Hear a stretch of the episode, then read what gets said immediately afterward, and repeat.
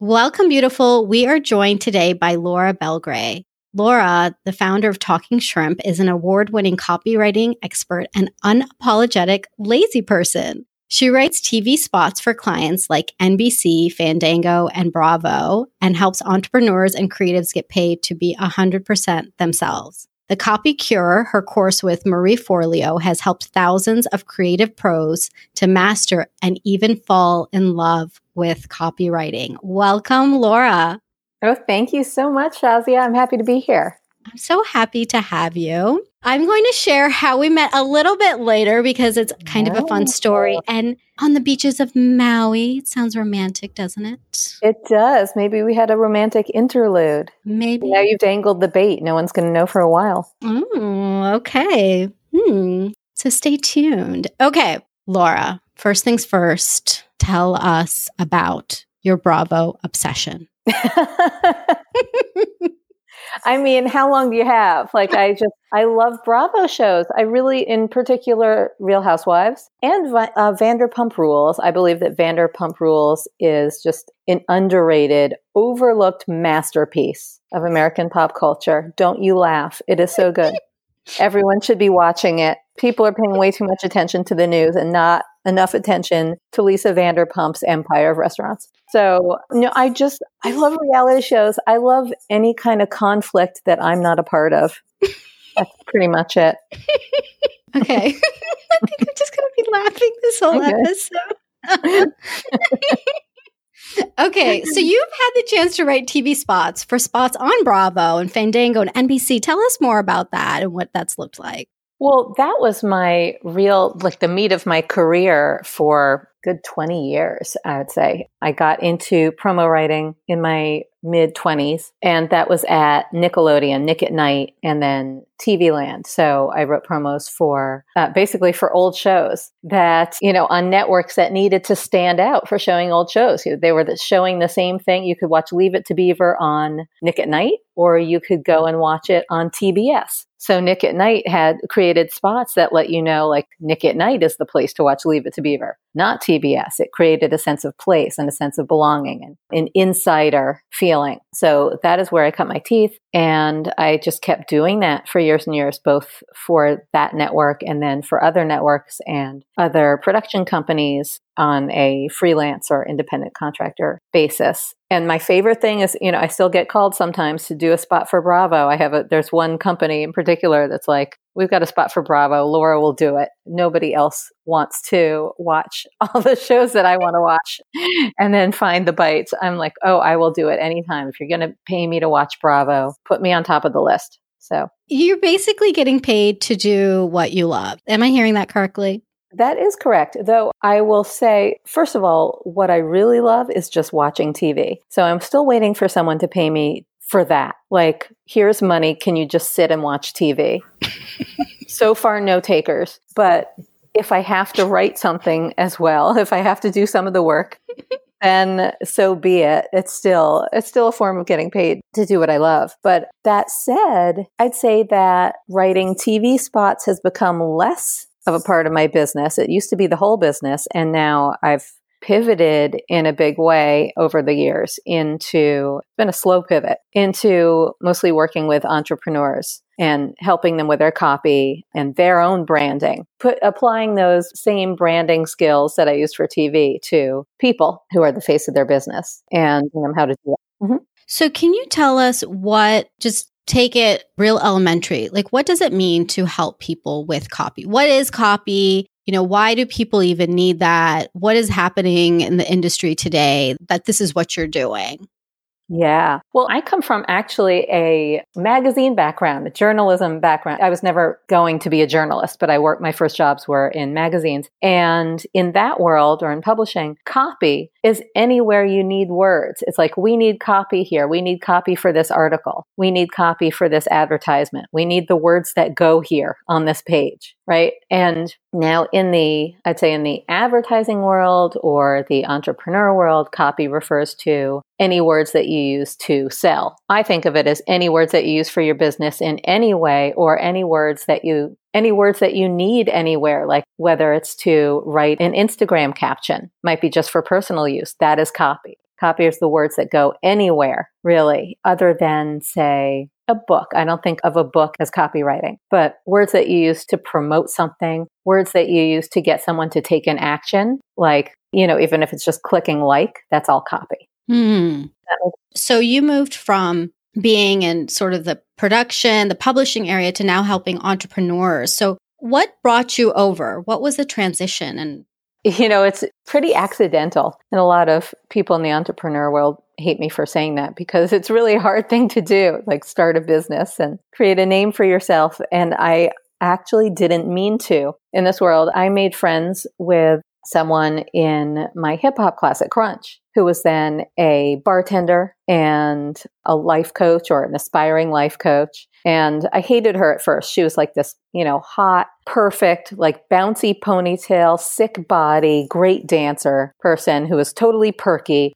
and she hit every move just right. It was always like hit, hit. She was always in the front. And the instructor would always ask her to demonstrate the routine. And I just like, she made me sick. And then one day I started talking to her and I was like, oh no, she's actually nice. And we became friends and I got her a job bartending at a restaurant my husband was opening at the time. He was the general manager. And we started walking home from dance class together and she started teaching dance. And we would walk home for, I would take every class with her and we would walk home from that. And she turned out to be, her name is Marie Forleo. And she is now, I would say, one of the top, top leaders in the online entrepreneur space. She's what we call online famous. So if you're not an entrepreneur, not in that space, if you're in the self development space, like if you are into self development stuff, self improvement, then you've probably heard of her, know who she is, or followed her even. And she got me into that world. Like she, first, she had a course that it was called Online Mastery. Because back then, this was like in 2009, you could put out a course and call it Online Mastery with no specifics in the name. It was like Online Mastery of what? Doesn't matter. It's like, oh, take that.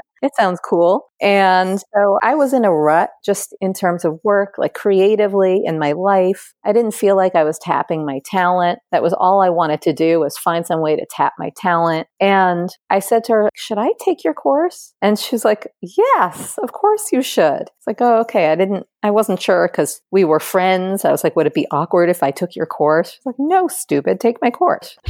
I enrolled in her course and found myself helping people. It was people starting businesses. It was, I guess, online entrepreneurs or some people who didn't know what they wanted to do. I found myself helping them a lot in the comments, in the forum of the actual online site. And Marie noticed that I helped them a lot with copy. And she knew that I was a copywriter, that I worked in TV. And she asked me to speak about copywriting at her first live event. And then there, people started coming up to me and asking me, like, if you're a copywriter, can you help me with my website? I don't know what to write on my homepage or my about page, or it sucks and I need help with it. I was like, yeah, sure, I can do that. Even though I'd never done that kind of work before, I'd only done TV spots. But I knew that I could help somebody write better than they were already writing for business, probably. I knew that it was, that their writing was probably going to be stiff and boring and that I could help. So I started taking clients and things just built from there. And I found that, you know, I mentioned that I was always looking for some way to tap my talent. Like for a while, it felt like writing TV promos was it because I got to write TV and I got to say something. I got to, in a way, share my point of view about TV, but it still felt kind of limited. Like I have more to say in the world and I don't know where to put it.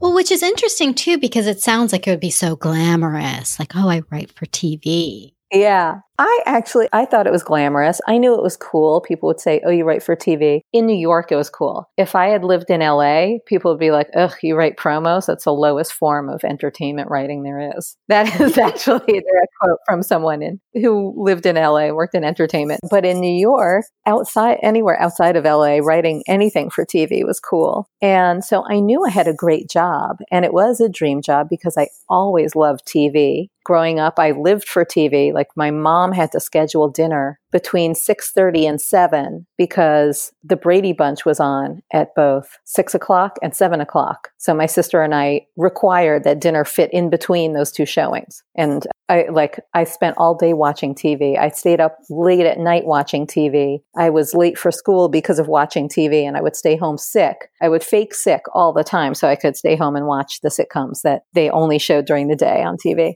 So So you already know that as a child based on what you loved as a child, it's pretty clear mm-hmm. that you love TV. yes. Yes, it was clear that I loved TV. So this was as close as I could get to being paid to watch TV always. And that was a, that felt like a huge lucky, like a enormously lucky thing. And I love doing it, but I still, like I was saying, I felt like that I had more to say. Like, mm-hmm. where do I write the stuff I want to write? Like, I don't know, essays. Back then, there was nowhere to really put it. There were no blogs. And people would say, well, why don't you write a book or why don't you write a TV show? I was like, I don't really have an idea for a book or a TV show. I wanted to write little things. And so this world, this like the internet, the world that has blossomed online of blogs and emails emails and all the things that you get to do for an online audience has opened up a huge avenue for me, a creative outlet where I can write those things. Yeah. And I mean, now what is it that you really enjoy writing now that you have the opportunity to write much more than you know just what you were doing before. yeah.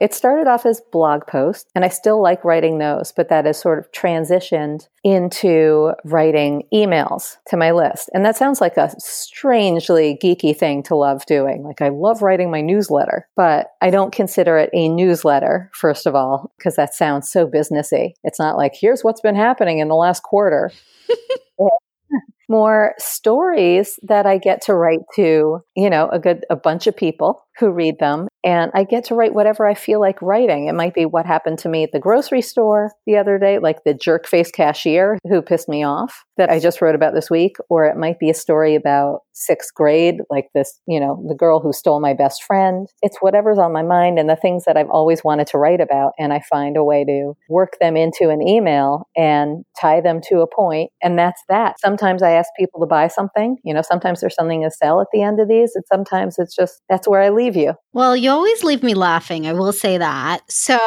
Laura, I've been religiously reading your emails ever since we met, and we're still going to keep that a secret till the end. Um, our interlude, our romantic interlude. Yeah. and that was, gosh, two years ago, over two years ago. And every oh, single email you send, I look forward to reading. I save it. If I can't read in the moment, I save it so that I can savor it later. And it's really fun because you know, in today's world where it's like, we're just getting spammed up the butt. Okay. It's like all this stuff. Buy this. Here's a sale. Read this. Lose 20 pounds. Five tax to like making whatever mm-hmm. your life like the most amazing ever. I mean, so many things, right? Coming at us all the time, along with actual real emails from people that I probably miss because then there's all this other stuff coming through. But yours, Laura, it's so refreshing to just read something that just, it's like a break in the day. It's like something funny or just something like the way that you look at life, your stories are just so interesting. And I always find myself loving what you wrote and feeling the need to respond back to almost every single email to the point where I'm like, I better stop replying to Laura because maybe she doesn't actually like want to keep having to see an email from me.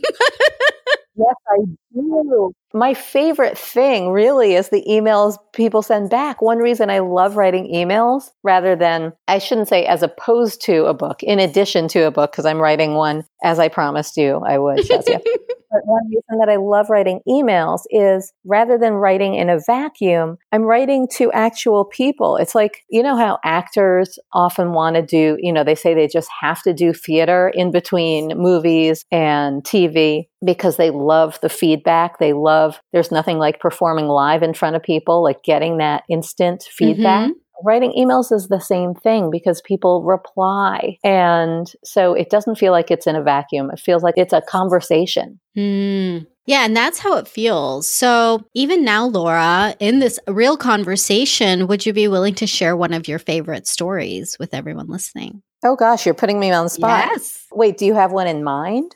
No, any of them. I mean, I always laugh, particularly around your Bravo ones, but. yeah. I don't know if I have a particular Bravo story. Let's put that on pause because I don't have one in mind. Like it's, I don't have a story prepared in my head. like they go into my emails. If you think of one that I wrote about that you want me to rehash, I will. But like generally, I have so many that I've written, and whether it's about my dad calling his rain boots rubbers when we were growing up, or a lot of them are about my dad or him going door to door, like pimping me and my sister out, basically, to find us friends. I actually have a story called My Dad, the Ski Lodge Pimp, which, but I don't remember the details of it. But I like, I have a ton of stories. They're mostly on my blog, but I don't think I want to tell one right now because I can't, I can't do it justice unless it's in front of me, unless I'm prepared. Okay. Is okay. It's fair? fair. And I do actually have an article that you had had written that I do want to talk about. It's not one of your really okay. hilarious ones, but it was really a good one. So before I share that one, Laura, since we're talking about your blog right now and your email list, how can people sign up for it? Oh, okay. So they can go to talkingshrimp.com if you want to just look at everything. You want to look at my blog, you want to get on my email list. If you happen to want to write copy for something, you can get my five tips to non sucky copy there. Or if you know you want in on my email list and just want to make it quick and easy, go to talkingshrimp.com slash sign up. S I G N U P. Okay talkingshrimp.com slash Awesome. So talkingshrimp.com slash sign up. We'll put that on our show notes too. But I just wanted to put that out there because we're already talking about it. And I want to make sure we don't miss that because your emails are hilarious. The ones about your dad are so funny. Your random run ins at various local places that you go to. I mean, it's just really, it's like viewing life from the lens of Laura. Like, it's just really funny. And it does this thing too where it makes me feel like I'm funny. So then I try to like say funny things even when I respond to you, or then after I've read your email, then when I'm talking to people, I try to be really funny. I haven't really heard anybody laugh yet, but you know what? It's okay. I'm tapping into the creative. I'm laughing. I'm laughing right now. Um, I like that, that the funny is contagious. That's a good thing. Super contagious. So there is one story, one article you wrote, but it wasn't actually in your email list. It was in a very big publication and it was around how to get, I forget the title of it, but it was the one about getting somebody to really notice your email or to notice you that you've been trying to contact. It was about following up. Yes. So tell us where that was published was. because that's really cool. You've been published in some really big things. You've just blown up recently. So I've got to hear about what's been happening in your life.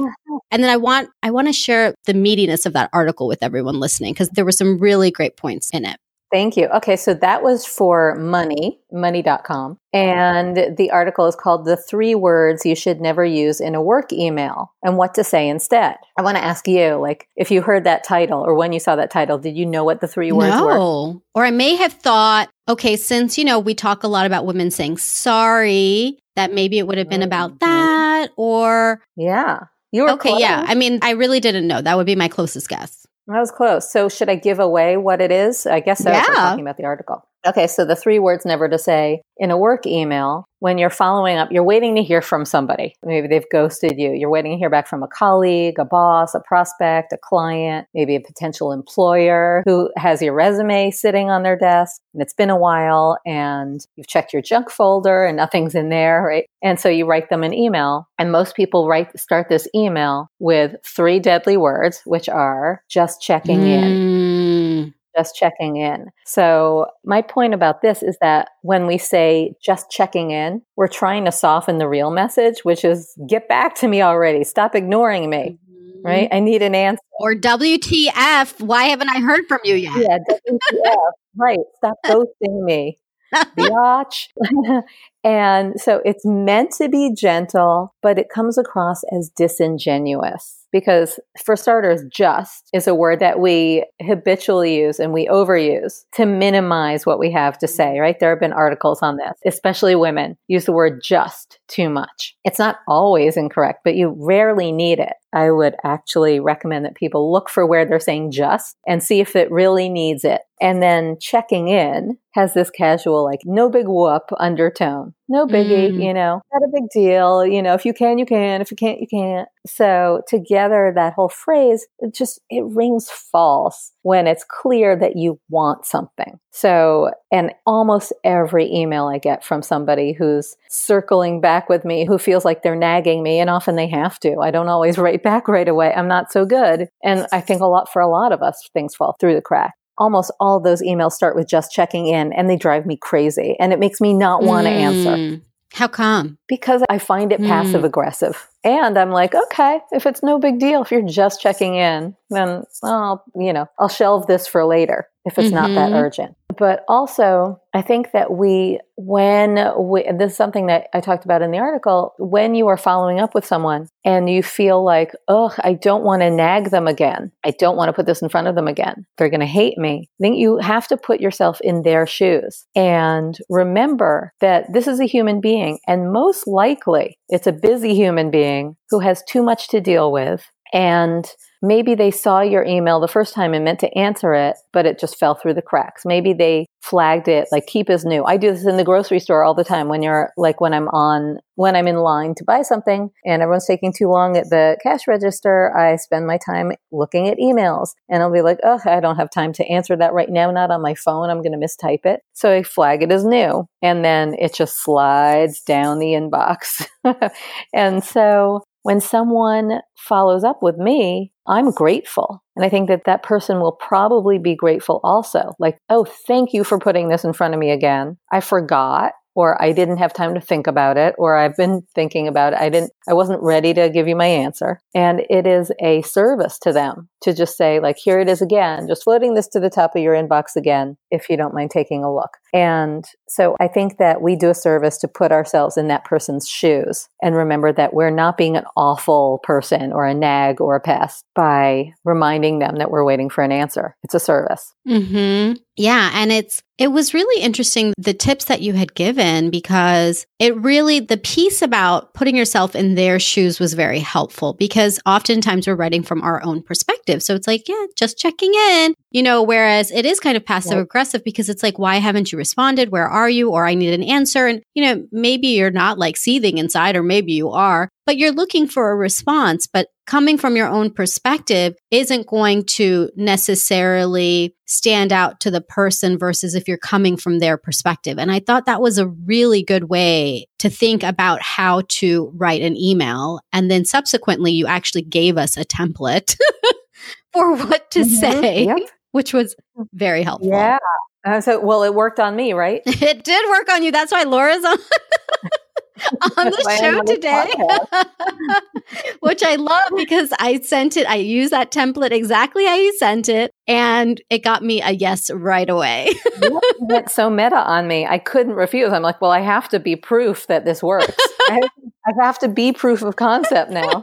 Um, and what did it feel like to get to get the email back in your template? I, to get an actual it was, email. It was hilarious. I loved it, but it was true. I was actual proof that it worked, even though it was a very a meta situation. I like if you'd asked me before, probably, and I was like, yeah, yeah, I'll look at it later. Like it requires booking a time and it requires looking at my calendar and we're all busy. And most of us don't feel like answering questions mm. that take some thought or have consequences, right? Like this has an impact on my calendar. If I say yes to this, if I say yes, it's a commitment. Mm-hmm. It's a mm-hmm. there's a consequence. So we put those things off. So I'm always grateful when somebody prods me and gives me another chance to respond. You know, in your case I was happy to say yes. yes, because I had reached out before and I hadn't heard back. And I just thought to myself, if I'm being completely transparent, that oh mm-hmm. she's not she's just not interested and i use that word just right and i thought she's not interested and so i kind of left it because i was like well i don't want to bother her because maybe she you know she doesn't really want to say anything and i made up a whole story in my head okay like just be completely right. honest yeah. And then it also kind of slipped my mind too, even though you were on my list. I have actually a list of the people I want to bring on my show. And so when you sent that article that you had published in money.com, congratulations, by the way. Yeah, thank you. And And I saw that. I was like, yeah, that's a really good template, actually. So let me just go ahead and reach out to Laura again because I really want her. I really want you on the show. And mm. this is a great template and I get to practice it. And so it was really helpful to, of course, bring you on today, but also for me to see that. I mean, how many times am I creating a story? Or maybe for those listening, mm-hmm. how many times are we creating a story and not really getting what we want? It's not as though you're on the other side where you're like, oh no, I cannot go on right. Shazia's podcast. Her podcast? Ew, no.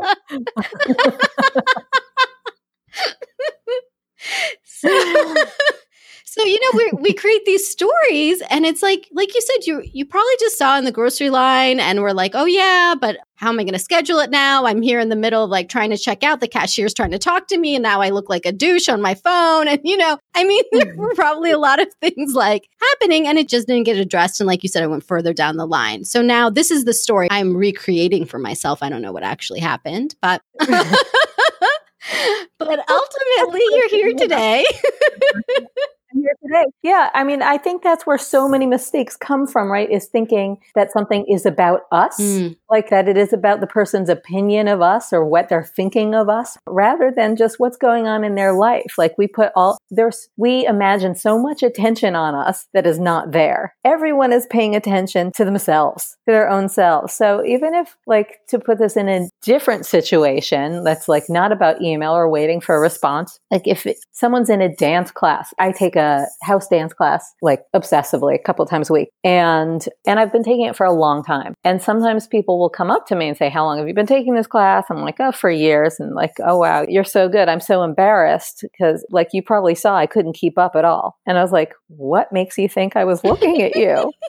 I'm like, I'm not looking at anyone. We're all looking in the mirror. I'm looking at me. I'm looking at the instructor and I'm looking at me. I'm not looking at anybody else. And meanwhile, everyone's like, oh, I'm so embarrassed. I can't believe, you know, what a fool I made of myself in that class. I couldn't keep up. I did the step wrong. Nobody's looking at you. No one is looking at you. They're all looking at themselves. And that's true in life in general. Such sage wisdom, Laura. Look at that. You drop in some golden nuggets. Yes. It's so true. And when we can really, you know, whether it's in writing or in person, I mean, when we can really take these stories out, and I say this to myself first and foremost, I mean, it just, it shifts everything. And nobody really is, yeah, nobody's really paying yeah, attention to yeah. you. It's true. No, like, you know, there are times when I'll post something on like Instagram or Facebook and I'll start, I'm like, wait, nobody's liking it. Maybe there's one or two likes. I'm like, is there something wrong with it? Is it embarrassing? Is it horrible? And then my impulse is often, I better take it down before anybody sees that I've only gotten two likes. Mm. And that's a story in my mind that somebody else is checking back to see how many likes my post has gotten. If they didn't like it, they just scrolled past it, right? Mm-hmm. You're not going to go back to it to see, like, I wonder if I'm the only one who didn't like it or if lots of people didn't like it. And how embarrassing for Laura. I hope, you know, she should move. She should delete her account and move to a place where nobody knows her so she can start over. you know, go into witness protection because that's where her life is headed. Nobody is thinking about it except for me. That's a good thing to remember, right? It's comforting. It really is. I'm going to think about that.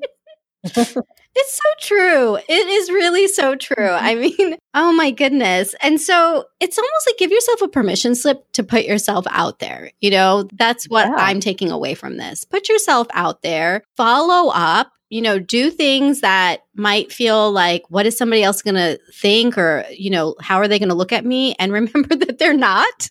Nobody cares. Yeah. And if you have something worthwhile to contribute, then contribute it, share it, do it, follow up. And you could have Laura in a mm-hmm. conversation mm-hmm. with you if you follow up. I'll send you the template.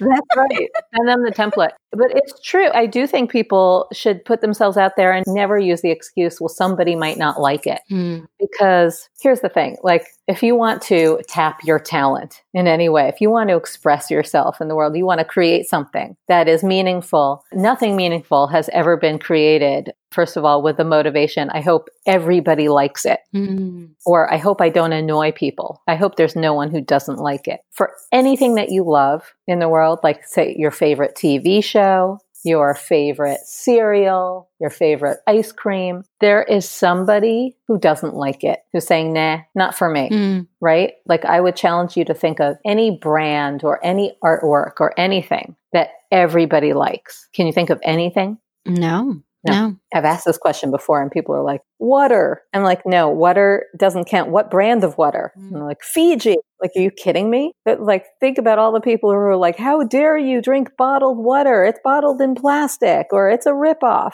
Poland Springs is just as good. Or, I mean, there's so many reasons people don't like Fiji water. Maybe they don't like Fiji, Mm. the place. I mean, that would be weird. I don't know anybody who doesn't like Fiji, but there must be. There must be somebody. I've heard the food's not great. Oh, okay. Well, good to know when I travel there.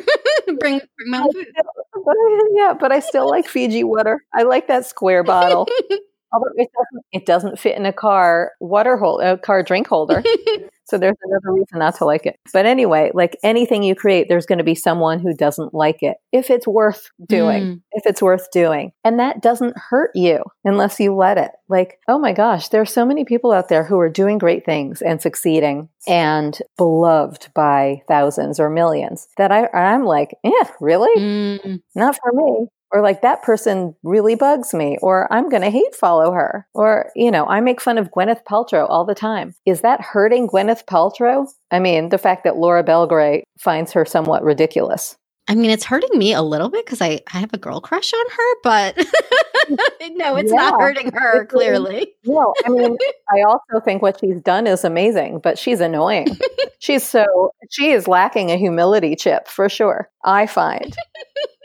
And she has always bugged me ever since she became a star and started going on talk shows. I'm like, oh my God, you're so annoying. You are humble bragging before the term even exists. and so, but like my feelings about her have not hurt her fortunes at all or her feelings. She doesn't know. She doesn't know, And but she she might. She might now because she might be listening She to might this be podcast listening. because it's so well listened to that maybe Gwyneth Paltrow is listening. Mhm. Maybe someone's going to send her this episode and say, you know what? You might do well to find a different business. to change your change your business model because Laura Belgray does not like what you're up to. And she doesn't like your attitude. So there you go. And someone's going to not like me for saying that. And I'm okay. I'm okay with it. It's not going to hurt me at all. I don't even know that they don't like me. I don't know who they are. Hmm. Well, point well taken. I mean, thank you for sharing that because it really is so true. Nobody's going to like everything. And that means, yeah, if you put something out there, some people will love it and some people won't. And it doesn't mean that they hate it, even. It could just be a not caring, and that's okay too. Yeah. That's Exactly. They might be indifferent to it. That is okay too. They might not find it worth lifting their finger to click the like button. Mhm. You know, that's uh, they scroll right past it. You won't know. That is okay too. And some things that you put out there, like I think the idea in this world, whatever you want to create, however you want to express your talent, the idea is to do a lot of it Mm. some things are going to be great and some are not. And there's no way you're going to knock it out of the park every time, like unless you have incredible beginner's luck. Got to create a lot of stuff. That's how you create the gems. Mm. Is you got a, a lot of doo doo. I don't think that's where gems come from. I think it's coal or something like that, dirt.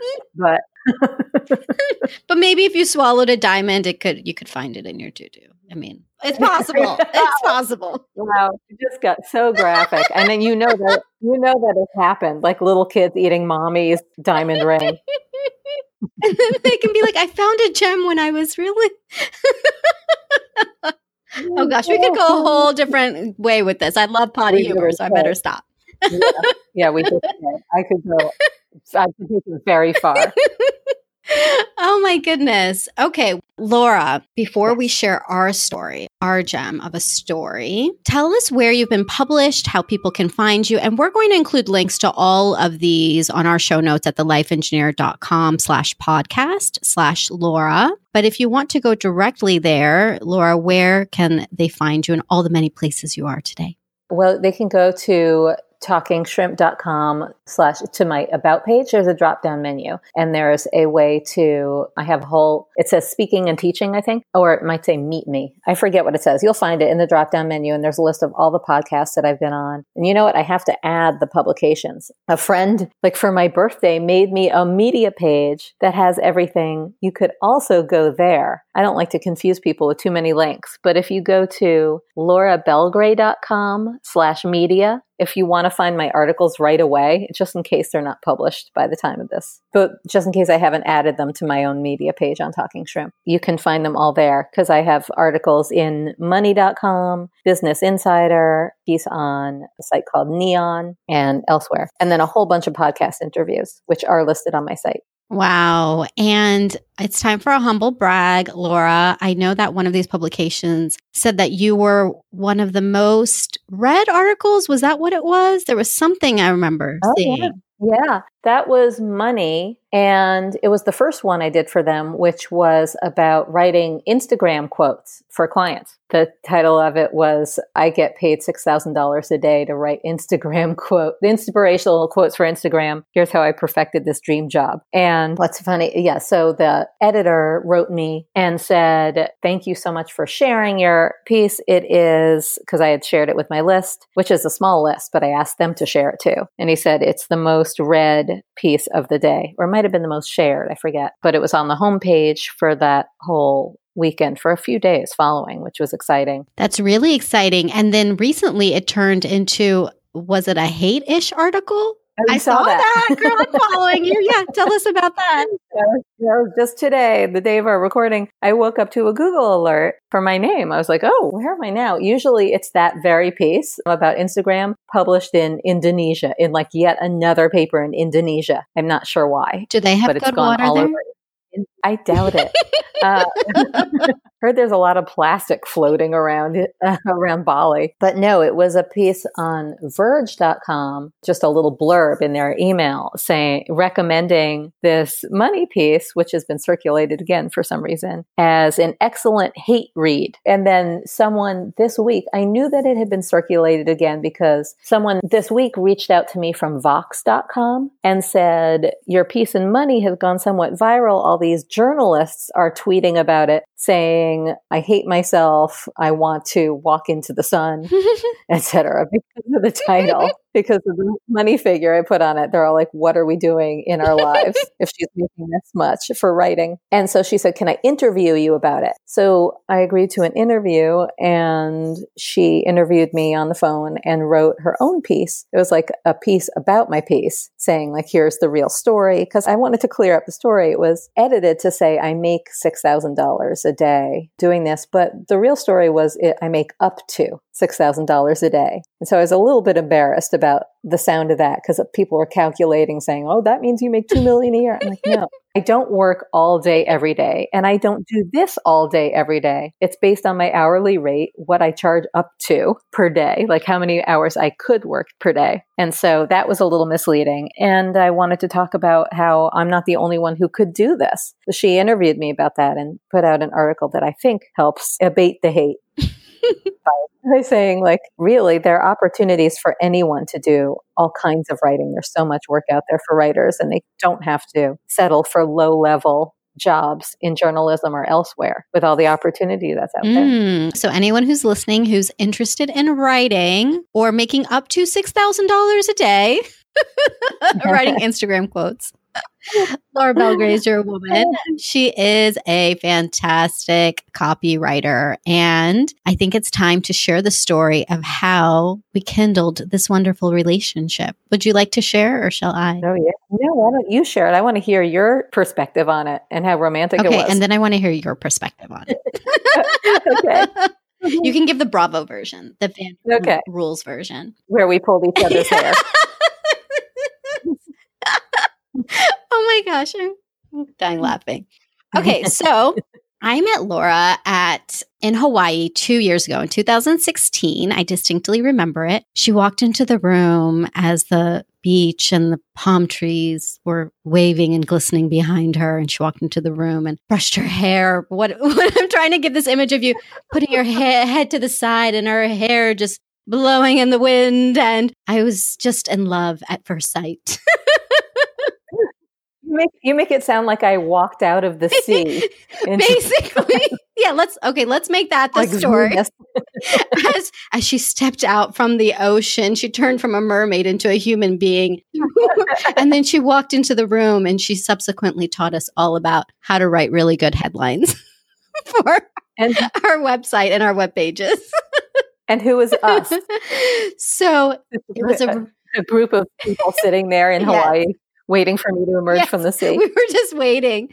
So I was part of this uh, retreat. It was called the Wealthy Healer Retreat. And Laura was one of the speakers there. And I knew Laura because, as she mentioned earlier about Marie Forleo, I had been introduced to their course, the Copy Cure. And I had actually used, so it was a course on how to write better copy and send emails that people read and are interested in. So I used the tips and I started using them in my emails and I started getting a lot more engagement. And so to me, Laura was famous. I mean, Marie is super famous. She is super internet famous. And she's also on my list, by the way, Laura. If you can hook that up, bring her mm-hmm. on. But Laura, I also knew too from that course. So I took the time to go up to Laura, and this is a tip that I actually I had learned from Marie, where she said, if you don't know somebody, the best way to meet them is to just go up and introduce yourself and say, "Hi, we haven't met before. I'm so and so." So I actually did that. I really take, um, I put into action the things I learned. And so I went up to Laura and I said, Hey, we haven't met. You know, my name's Shazia, and I've actually used your tips from Copy Cure. And Laura, I remember your smile in that moment and just the way that you were so friendly and so excited that I had used the tips and that, you know, that I had come up to you. And it, just from that moment, it was like we had always been friends copy friends for life. Yes, it's true. And then I think you drove me to the beach. Like I was the one person there who couldn't drive. It was up on this mountain. I mean, I'd been invited to teach in Hawaii and I was like, oh my God, paradise, yes. And then the fact was it was up on this mountain and nowhere near the beach. And I didn't drive. And I had been like walking down to the beach, which is a pretty much an hour and a half walk down dangerous switchbacks mm-hmm. with like cars zooming past you. And you're like, would you like me to drive you? yeah, sure. And like we drove and hung out there a bit. And I think I walked back because you had to go and I wanted some exercise. But this is totally a segue and incidental. But one of those life hacks I had seen online, probably. You were the first one who inspired me to use it, who, like, I saw it in action in your car. You know what, what? it was? You packed your shoes in shower caps. yes. That is a great travel pro tip. It is. I was like, what are all these shower caps with shoes in them? And you were like, you girl, have you never packed for a trip? And I was like, yeah, but I always put them in shoe bags or like plastic bags. And you're like, no, shower cap. It was true. And I bought like a, a whole thing of shower cap really cheap at the drugstore for a recent trip. And I waited a while to put it in action, but I've always remembered those shoes on the floor of your car and the shower cap. And it is a lifesaver. It saves so much space in your suitcase. It really does. And it's, it's so easy and clear and nice looking. And a further hack, I'm glad you went out and bought it, but I can be such a cheapo in some things. And I literally just, when I travel and I stay at any hotel, they give you those free shower caps yeah. that nobody uses, but oh, yeah. grab them for your shoes. Oh, sure. Yes. I steal yeah. those too. I mean, take. you receive them. They're a gift uh, from the hotel. yes. I receive them from the universe. But it is nice to buy a whole pack of them. Like it's a kind of an endless pack of them at the drugstore and it's so cheap. It's like as cheap as buying oh, salt. And no they're really cheap. Yeah, it's crazy. It's like an endless supply of them. But yes, that's another thing is that they're clear. So you can see where your shoes are in your bag rather than like peeking into every shoe bag mm-hmm. that you mm-hmm. packed there are my booties. There are my sandals. So you don't have to feel around for them. It was a great, like, sometimes those hacks actually oh work. my gosh. Well, thank you for saying that because I actually talk about that exact tip in my podcast episode called Flying. If you check out my F word monologue, oh. for those of you listening, if you haven't already listened to it, I do. I did a whole episode on how to travel, how to do it inexpensively, how to maximize it. And I have a whole piece in there about packing as well. And actually, I give a freebie out of my packing list. So if you want to be super organized. Oh, I'm so going to listen to that because I have to tell you, packing really stresses me out every time I do it. Even if I've gone away like three times in a row in, you know, in one month, every time I'm like reinventing the wheel ah. each time. So any hack that makes it, that makes me feel like I have it down to a science is really worthwhile. Yes. Check that out. I mean, I've gotten it to almost a science now because I'm hyper organized and I'm like, I've got to make this work because you're right. When you're traveling, I mean, I travel a lot too. It just got to a point where I'm like, why am I doing like the same things over and over? So, one tip I'll give you right now is to have doubles of everything. Like, I have just stopped packing a lot of things. I just have doubles of my charger, of even my deodorant. I mean, everything. Yeah. I've just got doubles because you know what? I travel enough that it's already there and ready to go. Yep.